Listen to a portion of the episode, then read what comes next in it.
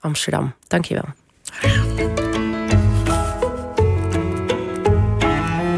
De column van John Jansen van Galen. Mag ik nog een duitje in het zakje doen over Kaaggate... dat geen autogordelreet mocht worden?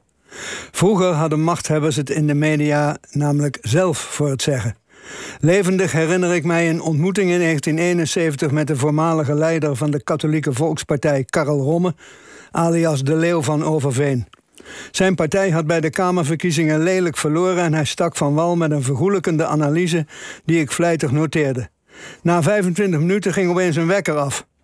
Romme stond op en stak mij ten afscheid zijn hand toe, ten teken dat het interview alweer was afgelopen. Later in dat jaar bleek in Antwerpen de woordenstroom van de Vlaamse socialistische leider Jos van Einde, bijgenaamd de Polderbizon, niet te stuiten. Ik probeerde ertussen te komen en toen het mij eindelijk lukte een vraag te stellen, liep hij rood aan en zette mij subiet de deur uit. Vragenstellerij lag niet in de bedoeling.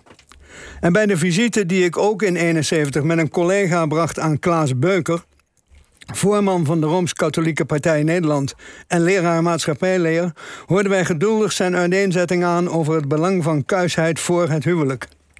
Totdat mijn collega Herma van Vos informeerde hoe hij in de klas dan het onderwerp masturbatie behandelde. Als door een adder gebeten stoof de man op en wees ons de deur. Beteuterd stonden we op straat, in Horen. Het ging die heren ook toen al om hun beeldvorming. Die werd sindsdien steeds belangrijker. Er zijn nu geavanceerde technieken om het beeld te beheersen dat je als politicus van jezelf wilt scheppen. En dat doe je niet meer zelf, het wordt voor je gedaan. Voor de verkiezingen van dit jaar wilde ik jonge Kamerkandidaten interviewen. Die mij echter stevast meteen verwezen naar hun voorlichter of woordvoerder. Schop je het net 20 tot aspirant volksvertegenwoordiger, moet je aan een functionaris vragen of je met de pers mag praten en wat je dan moet zeggen. De behoefte aan beheersing van het beeld van de politicus is verpletterend. Zo werd in het geval Kaag deze uitgevoerd door een batterij spindokters, alias op zijn Afrikaans beeldpoetsers.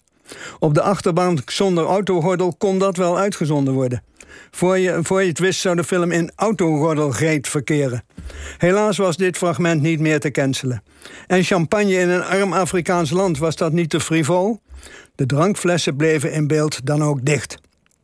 Het maken van een portret van een politicus werd een mijnenveld, waarin haar ministerie en haar partij het voortouw namen terwijl de opdrachtgever, de VPRO, waar wij hier te gast zijn, zich voor hun bezwaren ontvankelijk toonde.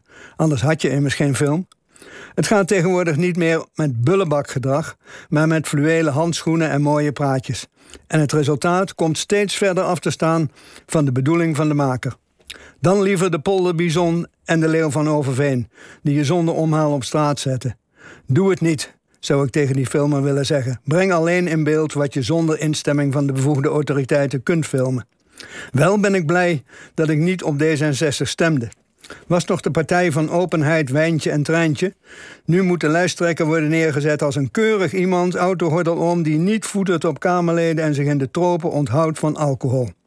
Zo saai. Ja, John, de hyperkritische samenleving uh, roept zijn eigen producten op. Hè? Als het erom gaat uiteindelijk toch. Om dat is een hele mooie samenvatting, ja, Om het even uh, abstract samen te vatten. Hey, dank je voor dit uh, heldere, mooie verhaal.